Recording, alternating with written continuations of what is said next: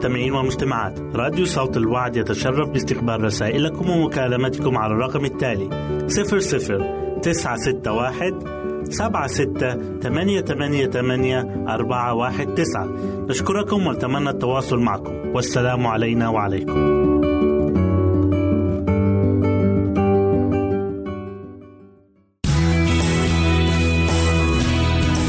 استماع وتحميل برامجنا من موقعنا على الإنترنت www.awr.org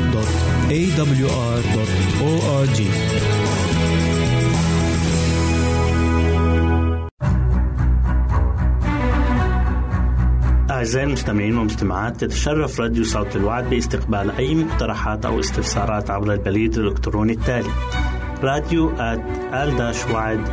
في مرة أخرى بالحروف المتقطعة. R A D I O at A L شرطة W A A D نقطة تي في والسلام علينا وعليكم.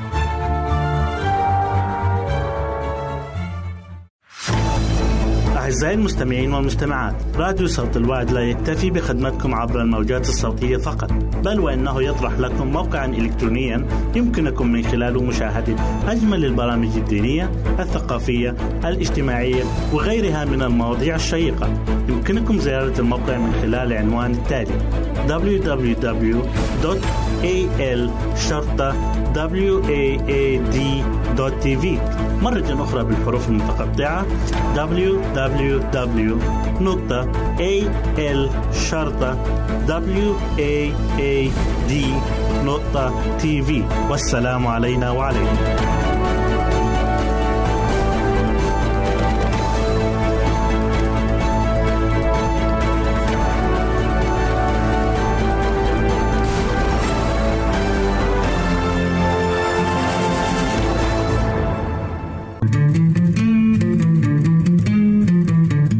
أنتم تستمعون إلى إذاعة صوت الوعي.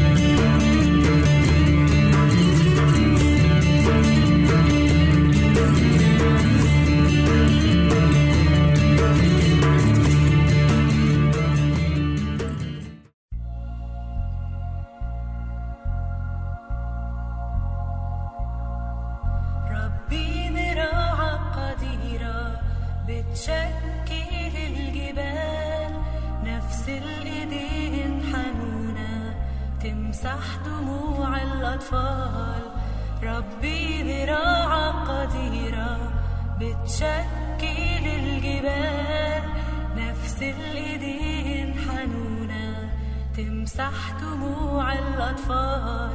يا يسوع قلبك متواضع.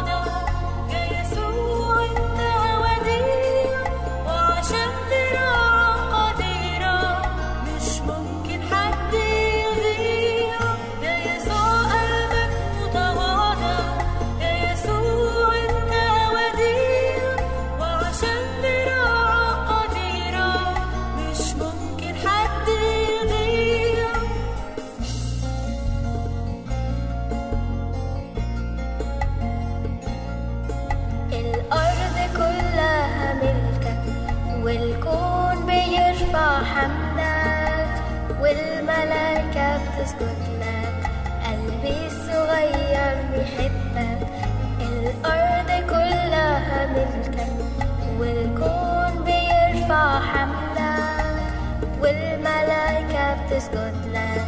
قلبي الصغير بيحبك.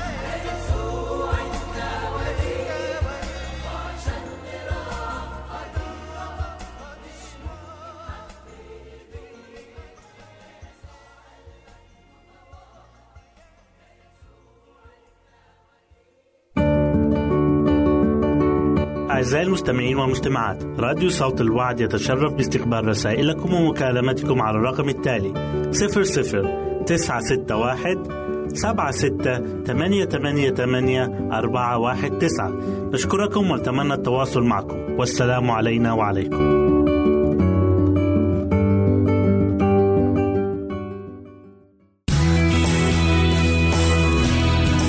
استماع وتحميل برامجنا من موقعنا على الإنترنت www.awr.org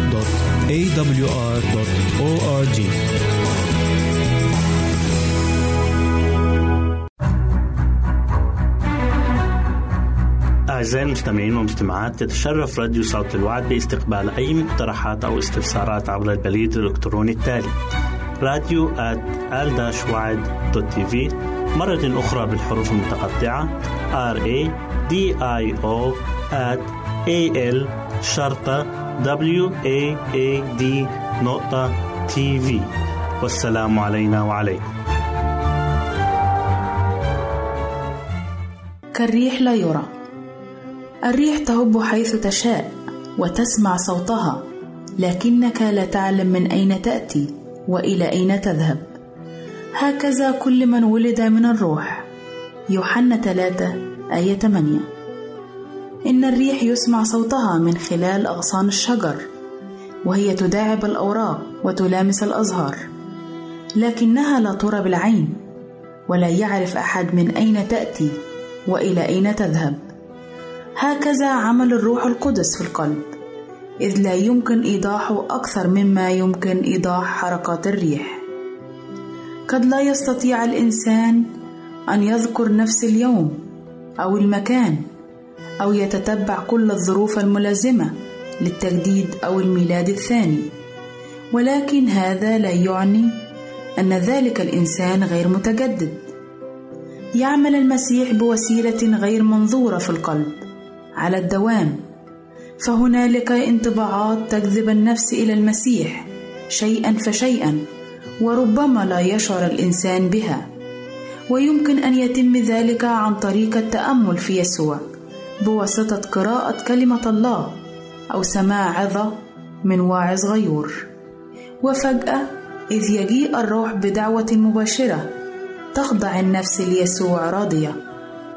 إن كثيرين يدعون هذا تجديدا مفاجئا ولكنه يأتي نتيجة لدعوات روح الله وتودده إلى النفس. وهذه عملية طويلة الأمد تتطلب الصبر. ومع أن الريح لا ترى بالعين فإنها تحدث نتائج نراها ونحس بها. وهكذا عمل الروح في النفس فهو يعلن عن نفسه في كل عمل يعمله.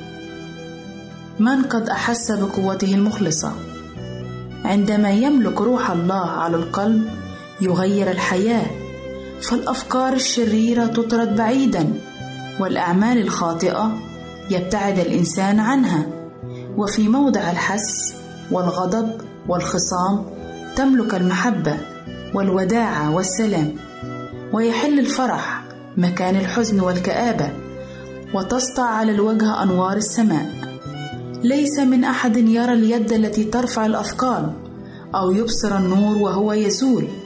من مواطن السماء إن البركة تجيء عندما تسلم النفس ذاتها لله وحينئذ فالقوة التي لا يمكن لأي عين أن تراها تخلق كائنا جديدا على صورة الله. إنه لا يمكن للعقول المحدودة أن تدرك عمل الفداء فهو السر يسمو فوق كل معرفة بشرية. ومع ذلك فأن من ينتقل من الموت إلى الحياة يتحقق من أن ذلك حقيقة إلهية. من هنا يمكننا أن نعرف بداءة الفداء بالاختبار الشخصي ونتائجه ستتصل بظهور الأبد.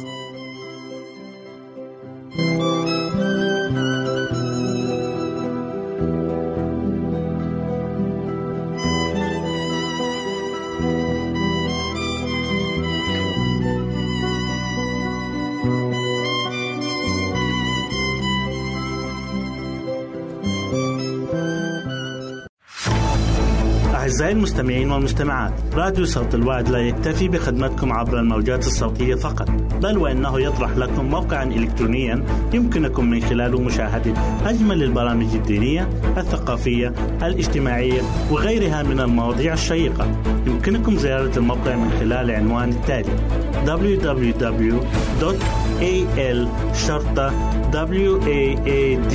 www.al-waad.tv مرة أخرى بالحروف المتقطعة.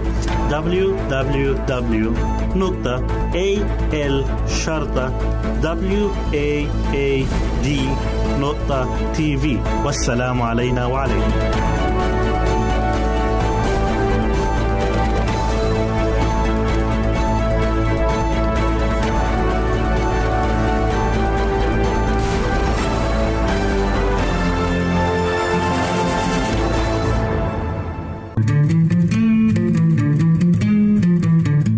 أنتم تستمعون إلى إذاعة صوت الوعد.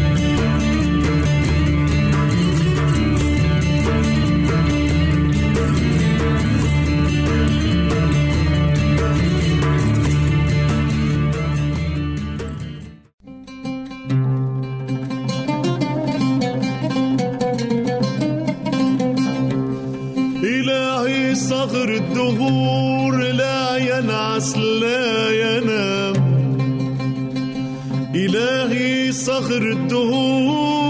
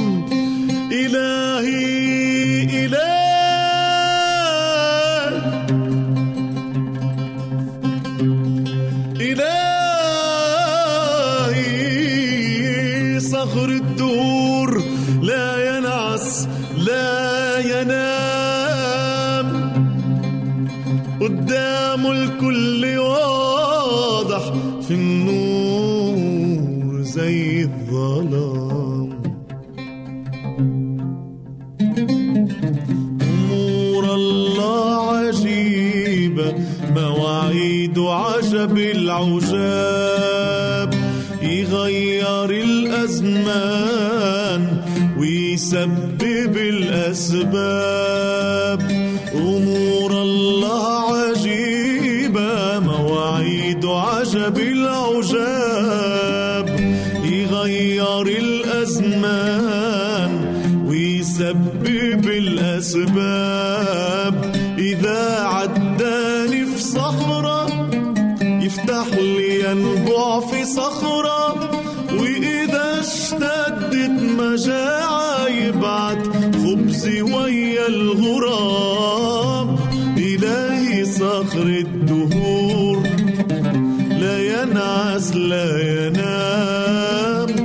قدام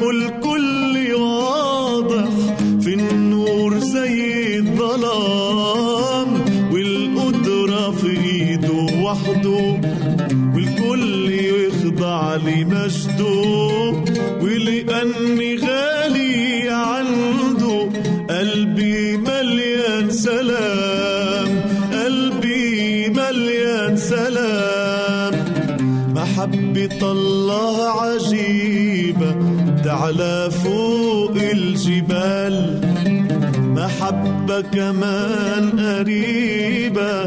ثابتة بكل الأحوال. محبة الله عجيبة تعلى فوق الجبال. محبة كمان غريبة ثابتة في كل الأحوال.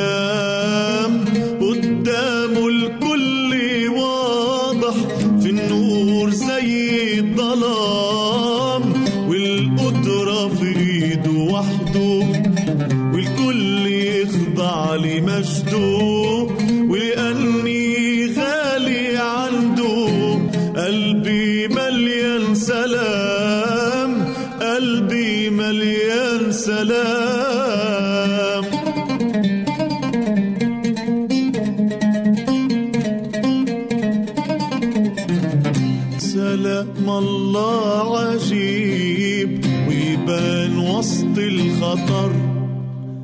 تلقى المؤمن يرنم. رغم الألم والضرر. سلام الله عجيب. ويبان وسط الخطر. تلقى المؤمن يرنم. رغم الألم والضرر. علشان في قلبه إيمان بالله رب الأمان. الناس شايفة جفاف وهو شايفه مطر.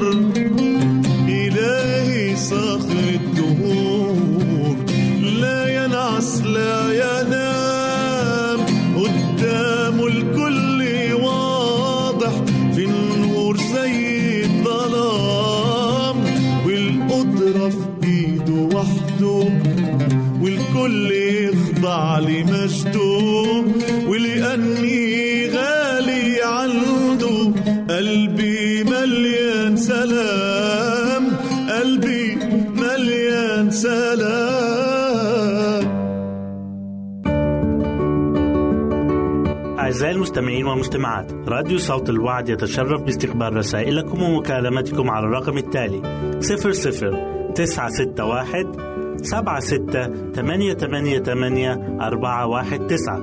نشكركم ونتمنى التواصل معكم. والسلام علينا وعليكم.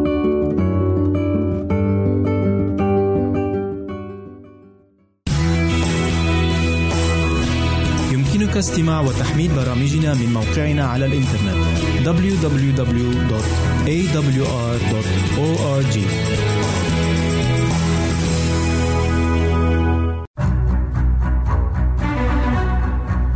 أعزائي المستمعين والمستمعات يتشرف راديو صوت الوعد باستقبال أي مقترحات أو استفسارات عبر البريد الإلكتروني التالي راديو في مرة أخرى بالحروف المتقطعة. R A D I O at A L شرطة W A A D نقطة تي في والسلام علينا وعليكم. أهلا وسهلا بكم مستمعاتي الكرام. أسعد الله أيامكم بالخير والبركة. يسعدني أن أقدم لكم برنامج نصائح للمرأة. وحلقة اليوم بعنوان فارق السن في الزواج بين النجاح والفشل. يبدو أن الفرق والتباين في الأعمار بين الزوجين باتت لا قيمة لها. ولو كان الكثير من الرجال يفضلن الزواج من الأصغر سنا إلا أن الجانب الآخر من الصورة قد يبدو أكثر قتامة. حيث بات الكثير من الفتيات يبحثن أيضا عن رجال يفوقهن ربما بعشرات السنين. البعض يرى أن العوامل الاقتصادية هي المحرك الأساسي لدى الفتاة في هذا الموضوع وذلك طلبا للاستقرار وحياة أفضل أو هربا من العنوسة وتأخر سن الزواج. وهو هنا يكون أشبه بالصفقة. فيما يرى البعض الآخر أن انتشار الظاهرة يشير إلى خلل نفسي في شخصية الفتاة أو في بنية المجتمع. حيث من الطبيعي أن تصبو الفتاة إلى شاب وليس إلى شيخ. بينما يرى آخرون أن لا مشكلة في ذلك ما دام فارق السن ليس شديد الاتساع. ولكن هنا يبقى السؤال الأهم في هذا الموضوع. هل يمكن لهذا الزواج أن يكون ناجحا؟ أولا كبر الزوج من المحتمل أن تصاحبه أمراض الشيخوخة وتكون الفتاة أو الزوجة في ريعان شبابها. ولها احتياجاتها الخاصة التي من المحتمل في بعض الأوقات لا يستطيع الزوج الوفاء بها. ثانيًا العلاقة الجنسية بين الزوجين لا علاقة لها بالسن، ومن الممكن أن يكون الزوج شابًا ولكنه يعاني من صحة معتلة تجعله غير قادر على القيام بواجباته تجاه زوجته. ثالثًا قد يكون أيضًا فارق السن سببًا في اختلاف طريقة التفكير، مما لا يدع مجال للتفاهم بين الطرفين. رابعًا إن كانت المرأة هي التي تكبر الرجل بفارق بسيط فلا توجد مشكلة، ولكن إن كان الفرق كبير فسوف تظهر عليها علامات الشيخوخة. وهنا من المحتمل أن الزوج يشعر بالتعب وعدم السيطرة على غريزته مما يضطر للخطأ والسلوك بما لا يرضي الله. والجدير بالذكر أن تلك الاحتمالات قد تكون صحيحة بالنسبة للبعض.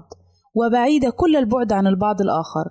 فليس بالضرورة أن كل الزيجات التي تمت مع وجود فارق سن كبير هي زيجات فاشلة. لا. فلكل قاعدة شواذ ولكننا هنا نتحدث عن المبدأ العام. فكما أشرت في البداية أن القدرة الجنسية عند الرجل غير مرتبطة بالسن ما دامت صحته جيدة وكذلك نضارة المرأة وحيويتها غير مرتبطة أيضا بالسن. طالما هي تراعي صحتها وتحافظ على مظهرها العام. ولكن يجب أن يكون هناك تكافؤ في الفكر والعمر والتعليم وأن يكون الحب متبادل بين الطرفين. ولا يجب أن يكون من طرف واحد ولا يجب أن نحكم بالعاطفة أو المشاعر بل عليك أن تحكم العقل في مثل هذا الموضوع الحيوي. لأن مشكلة فارق السن الكبير بين المتزوجين لا تظهر سلبياتها الحقيقية إلا بعد مضي فترة طويلة. خاصة عندما يتعدى الفارق عشرين عاما. ففي حين تكون الفتاة لا تزال في ريعان شبابها مما ينعكس على طريقة تفكيرها ومعيشتها وطموحها يبدأ الزوج التفكير في التقاعد. وهنا حتما تظهر مشكلات التواصل الفكري والاجتماعي وتتعارض الاهتمامات تماما بين الطرفين وتتهيأ الفرصة للانفصال. تقول أخصائية اجتماعية إن إقبال الفتيات على رجال يكبرهن بالسن يشير إلى خلل في شخصية الفتاة وهذا الخلل قد يكون ناجما عن تعلق الفتاة بوالدها. وهنا تبحث بدون أن تشعر عن رجل مثله يكون حماية لها ومثلها الأعلى. وأحيانا تكون الفتاة فاقدة للحنان واهتمام الأسرة ورعايتها فتلجأ إلى من يعوضها عن هذا الحنان من خلال زوج يحل محل الأب. لقد أصبحنا نرى تزايد حالات زواج الفتيات بكبار السن. فلم يعد فارق السن الكبير بين الزوجين حالة استثنائية في مجتمعنا خاصة وأن هناك عدة أسباب.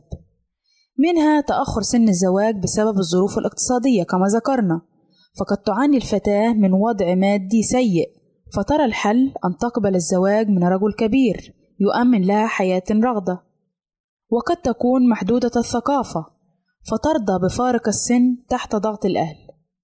كذلك رغبة الفتاة من الهروب من منزل العائلة بسبب المشاكل فترضى بأي شخص يتقدم لها. ومن الأسباب التي قد تدفع بالفتاة أن تتزوج بمن يكبرها سنا قد تكون هذه الفتاة تزوجت زواجا وفشل وتريد أن تتزوج برجل يعوضها عما فاتها.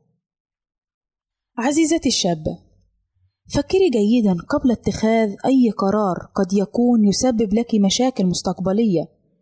قد يصاب الرجل بعد سن الخمسين بالمراهقة المتأخرة وعندما يبدأ في البحث عن من يشاركه هذه المرحلة العمرية يختار عروسا صغيرة.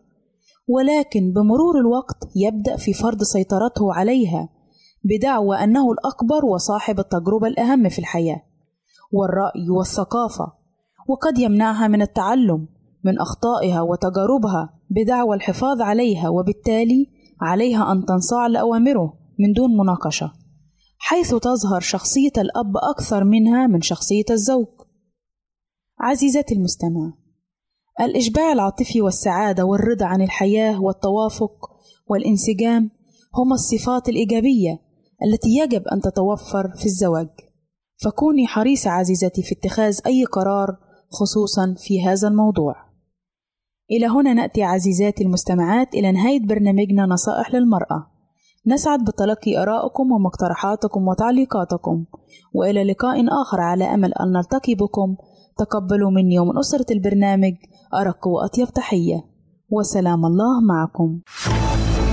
أعزائي المستمعين والمستمعات راديو صوت الوعد لا يكتفي بخدمتكم عبر الموجات الصوتية فقط بل وإنه يطرح لكم موقعا إلكترونيا يمكنكم من خلاله مشاهدة أجمل البرامج الدينية الثقافية الاجتماعية وغيرها من المواضيع الشيقة. يمكنكم زيارة الموقع من خلال العنوان التالي www A L شرطة W A A D دوت تي في مرة أخرى بالحروف المتقطعة. W W W نقطة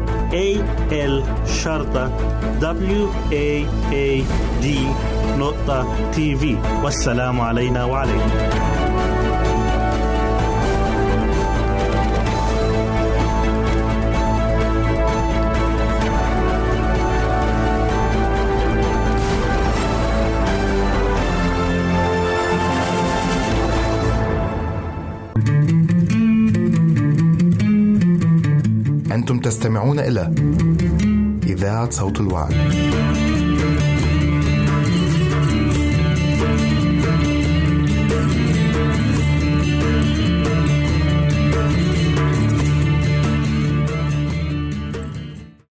حبيبي أبيض وأحمر معلم بين ربوة طلعته كلبنان فتى كالأرز حلقه حلاوة وكله مشتهيات. هذا حبيبي وهذا خليلي.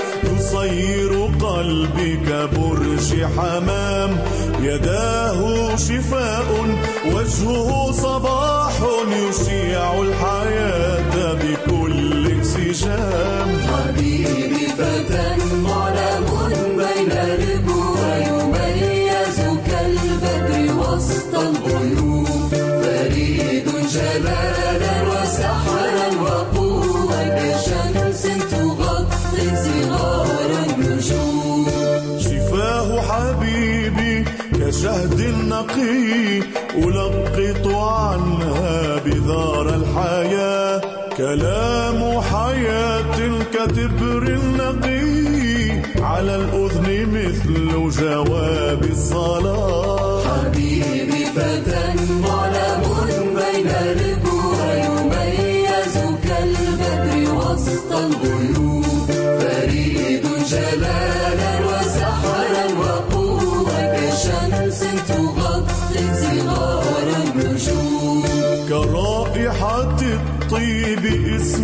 يسوع وأنفاسه جوهر الناردين كسوسنة الوادي تاج الربيع كذاك حبيبي بين البنين.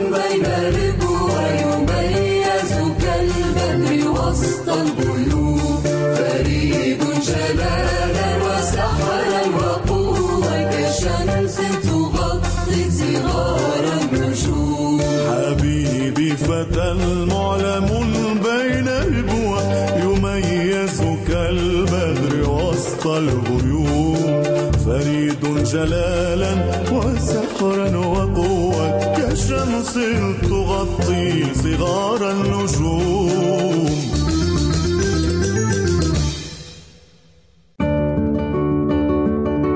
أعزائي المستمعين والمستمعات راديو صوت الوعد يتشرف باستقبال رسائلكم ومكالمتكم على الرقم التالي 00 961 سبعة ستة ثمانية ثمانية ثمانية أربعة واحد تسعة. نشكركم ونتمنى التواصل معكم. والسلام علينا وعليكم.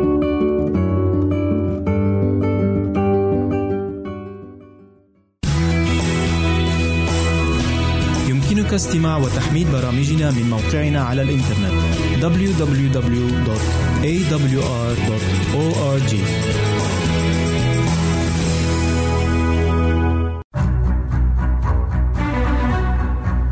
أعزائي المستمعين والمستمعات تتشرف راديو صوت الوعد باستقبال أي مقترحات أو استفسارات عبر البريد الإلكتروني التالي راديو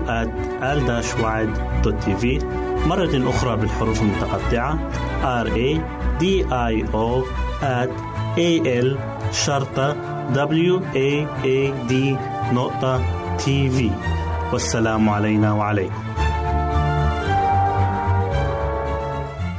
أهلا بكم أعزائي المستمعين في لقاء جديد من برنامج عمق محبة الله. حلقة اليوم تحمل عنوان الآباء يأكلون الحصرم والأبناء يدرسون.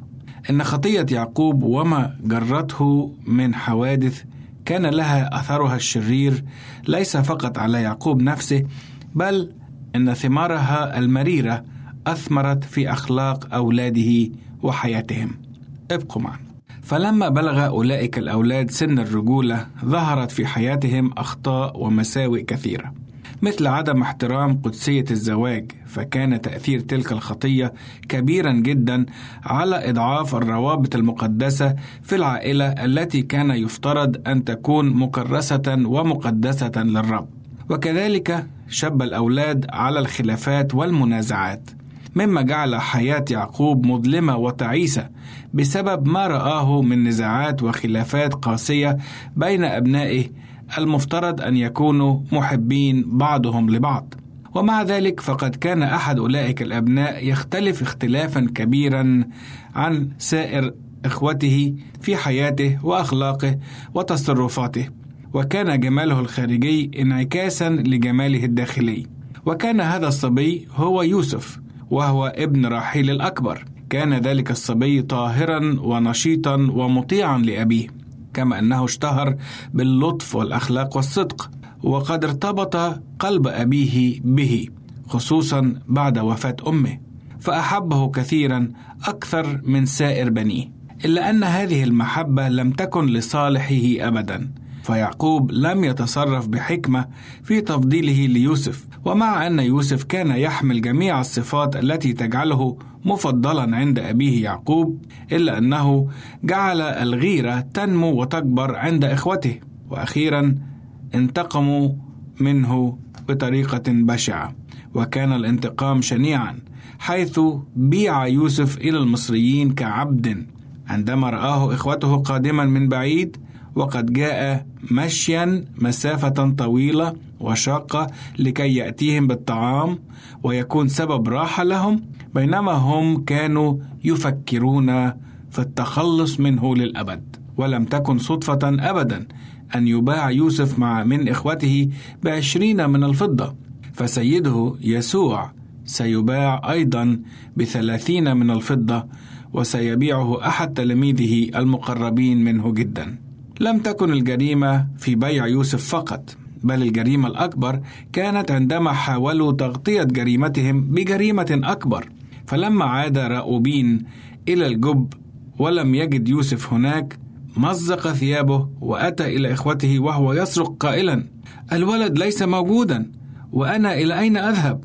فجاءتهم الفكرة الماكرة الخادعة فذبحوا تيسا من الماعز وغمسوا قميص يوسف في دمه وأحضروه إلى أبيهم قائلين إنهم وجدوا هذا القميص ملقا في أحد الحقول وأنهم يخشون لئلا يكون هو قميص أخيهم يوسف وقالوا ليعقوب حقق أقميص ابنك يوسف هذا أم لا؟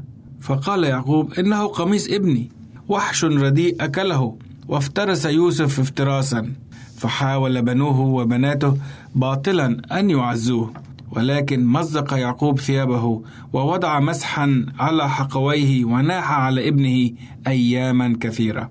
واتضح أن مرور الزمن لم يخفف من لوعته وحزنه على موت ابنه يوسف فقال إني أنزل إلى ابني نائحا إلى الهاوية. كانت تلك صرخة اليأس صعدت من أعماق قلب أب ملكوم على ابنه. وعاش يعقوب سنينا كثيرة وهو معذب ومتألم على فراق أحب الأبناء لقلبه ولم يكن يعلم أنه ضحية لكذبة وخدعة كبيرة حاكها أولاده له. نعم أحبائي لقد حصد يعقوب ما قد زرع قبلا فالكتاب يقولها صراحة إن الذي يزرعه الإنسان إياه يحصد أيضا. لقد عانى يعقوب من الخداع من أولاده مثلما جعل عيسو يعاني من خداعه لوالده إسحاق. ولكن ماذا عن يوسف؟ لقد تألم يوسف نتيجة لتلك الخدعة أيضا. فقد صار عبدا غريبا وحيدا عند أمة وثنية لا تعرف مخافة الله. لقد حصد يوسف ما قد زرعه أبوه يعقوب من خميرة الخبث والخداع. وهذا يعلمنا أحبائي درسا مهما جدا وهو أننا لسنا الذين نعاني ونتأثر فقط من نتيجة أعمالنا وسلوكنا بل أن المحيطين بنا أيضا يتأثرون كذلك بسلوكنا. فالأب الذي يسرق ويسجن يجلب العار لأولاده وبناته وكل أقربائه أيضا والأم سيئة السمعة تجلب الخجل والفضائح لكل العائلة. فهل نحن نتصرف بلياقة لنكون ملحا للأرض ونورا للعالم كما أوصانا ربنا يسوع المسيح أن نفعل؟ هل نحن نفكر في من حولنا وتأثير أفعالنا عليهم؟ ليساعدنا الله أن نزرع زرعا جيدا مباركا ليكون الحصاد جيدا ومباركا أيضا. نشكركم أعزائي المستمعين لحسن استماعكم إلى برنامج عمق محبة الله. ونلتقي في حلقة جديدة الأسبوع القادم. أعزائي المستمعين والمستمعات راديو صوت الوعد لا يكتفي بخدمتكم عبر الموجات الصوتية فقط بل وإنه يطرح لكم موقعا إلكترونيا يمكنكم من خلاله مشاهدة أجمل البرامج الدينية الثقافية الاجتماعية وغيرها من المواضيع الشيقة. يمكنكم زيارة الموقع من خلال العنوان التالي www.al waad.tv مرة أخرى بالحروف المتقطعة. Www.al-waad.tv والسلام علينا وعليكم.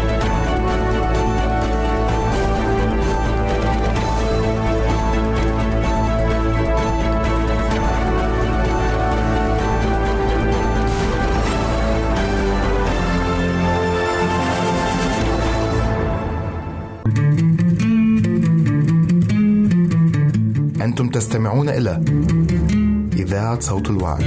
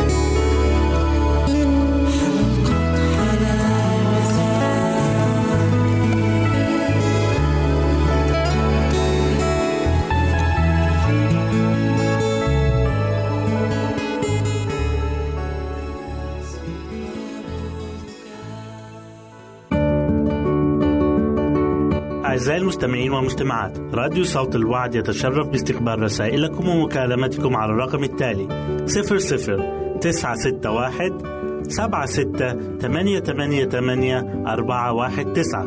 نشكركم ونتمنى التواصل معكم. والسلام علينا وعليكم.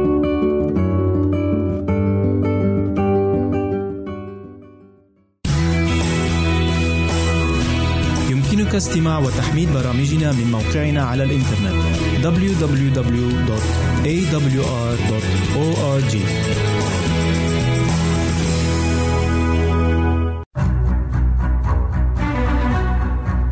أعزائي المستمعين والمستمعات تتشرف راديو صوت الوعد باستقبال أي مقترحات أو استفسارات عبر البريد الإلكتروني التالي راديو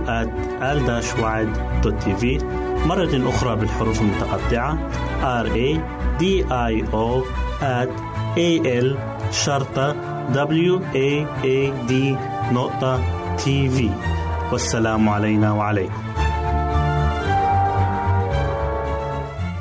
نرحب بكم في لقاء جديد مع البرنامج الصحي نحو حياة واعدة مع ماجد بشرى.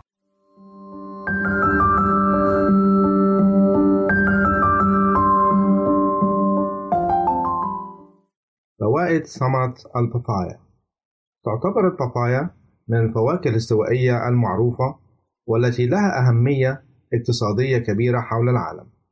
وتنمو ثمارها على أشجار معمرة يتراوح ارتفاعها بين مترين إلى عشرة أمتار. وقد استخدمت هذه الثمرة للتداوي من العديد من المشاكل الطبية ويمتاز نبات البابايا باحتوائه على كمية كبيرة من اللاتكس وهي مادة حليبية بيضاء اللون وتحتوي على إنزيمات endopeptidases كالباباين وغيره من الإنزيمات. فوائد ثمرة البابايا. تحتوي البابايا على العديد من العناصر الغذائية المختلفة. لذلك فإن لها العديد من الفوائد ومنها ما يأتي. غنية بالمواد المضادة للأكسدة.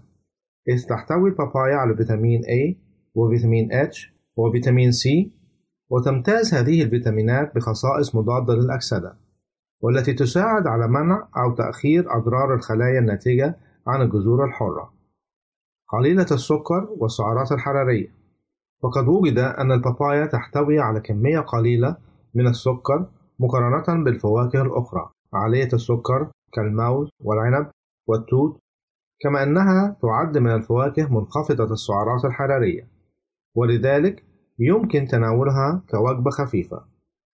تحسين عملية الهضم حيث يساعد إنزيم الباباين الموجود في ثمار البابايا على تحليل البروتين والأطعمة الأخرى ولذلك ينصح الأشخاص الذين يعانون من اضطرابات في الهضم أن يتناولوا البابايا. وقد وجد أنها يمكن أن تهدئ المعدة كما أنها تتوفر على شكل مكملات غذائية أيضا. تحسين صحة العين. إذ يساعد فيتامين A الموجود في البابايا على تغذية القرنية كما يساهم في صناعة بعض الأصباغ المهمة للإبصار وفي ترطيب العين. كما تحتوي هذه الثمرة على مضاد الأكسدة الذي يصفي الأشعة الزرقاء الضارة ومن الجدير بالذكر أن تناول كميات أكبر من الفواكه بشكل عام يقلل خطر تقدم مرض التنكس البقعي المرتبط بالسن. تحسين نمو الشعر والأظافر. حيث تحتوي البابايا على مختلف المعادن والفيتامينات ولذلك يمكن تناولها كجزء من نظام غذائي متوازن لزيادة نمو الأظافر والشعر. كما يمكن استخدامها لصنع أقنعة الشعر التي تساعد على تغذيته. المساهمة في علاج الطفليات المعوية. ففي إحدى الدراسات التي أجريت على 60 طفلا مصابا بالطفليات المعوية وجد أن تناول مزيج من العسل وبذور البابايا المجففة ساهم في شفاء 76% منهم. ولكن يجب الإشارة إلى أن تناول كميات كبيرة من بذور البابايا يمكن أن تؤدي إلى اضطرابات في المعدة. التقليل من خطر الإصابة بالربو. حيث أن البابايا تحتوي على البيتا كاروتين وقد وجد أن استهلاك هذا المركب بالإضافة إلى بعض المركبات الأخرى يرتبط بانخفاض خطر الإصابة بالربو. كما يعتبر المشمش والقرع والشمام والبروكلي من المصادر الأخرى للبيتا كاروتين. التقليل من خطر الإصابة بالسرطان. فقد وجد أن البيتا كاروتين الموجود في البابايا يقلل خطر الإصابة بالسرطان. وقد بيّنت دراسة نشرت في مجلة علم الأوبئة السرطانية والمؤشرات الحيوية والوقائية أن تناول الرجال لنظام غذائي غني بالبيتا كاروتين قد يقلل خطر إصابتهم بسرطان البروستاتا. تعزيز صحة العظام. إذ تحتوي البابايا على فيتامين كي الذي يساعد على زيادة امتصاص الكالسيوم وتقليل خسارته مع البول. ولذلك فإنه يزيد من قوة العظام ويساهم في إعادة بنائها. ومن الجدير بالذكر أن عدم تناول كميات كافية من فيتامين كي يرتبط بارتفاع خطر الإصابة بكسور في العظام تحسين مستوى السكر في الدم. فقد أشارت الدراسات التي أجريت على مرضى السكري من النوع الأول أن تناول الأطعمة الغذائية بالألياف يقلل من مستويات الجلوكوز في الدم. وإضافة إلى ذلك فقد وجد أن الألياف تحسن مستويات كل من السكر والأنسولين والدهون لدى الأشخاص المصابين بالسكري من النوع الثاني. التقليل من خطر الإصابة بأمراض القلب وذلك لإحتواء ثمار البابايا على نسب جيدة من البوتاسيوم والألياف والفيتامينات كما أنها تحتوي على مادة اللايكوبين التي تمنع أكسدة الكوليسترول كما أشارت إحدى الدراسات إلى أن تناول المكملات الغذائية لللايكوبين مدة 14 أسبوع تقلل خطر الإصابة بأمراض القلب. أضرار البابايا ومحاذير استخدامها يعد تناول البابايا آمنا بالكميات الموجودة في الطعام ولكن الإفراط في تناولها قد يكون غير آمن وذلك لأنها قد تؤدي إلى تلف في المريء كما أن وضع مادة اللاتكس الموجودة في هذه الفاكهة على الجلد مباشرة قد يؤدي إلى تهيجه.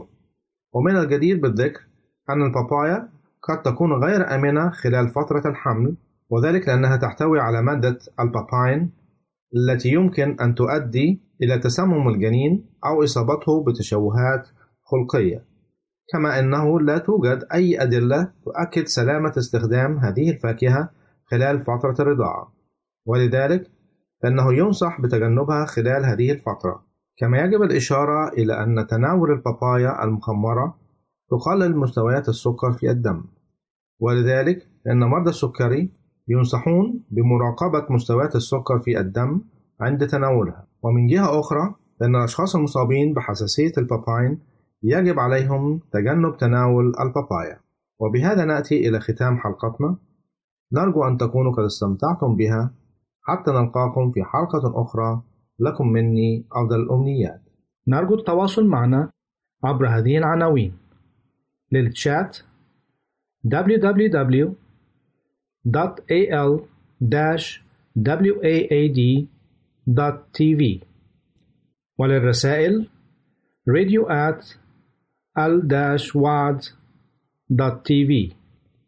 والاتصال عبر الواتساب 961 76 888 419 961 76 eight eight eight four one nine.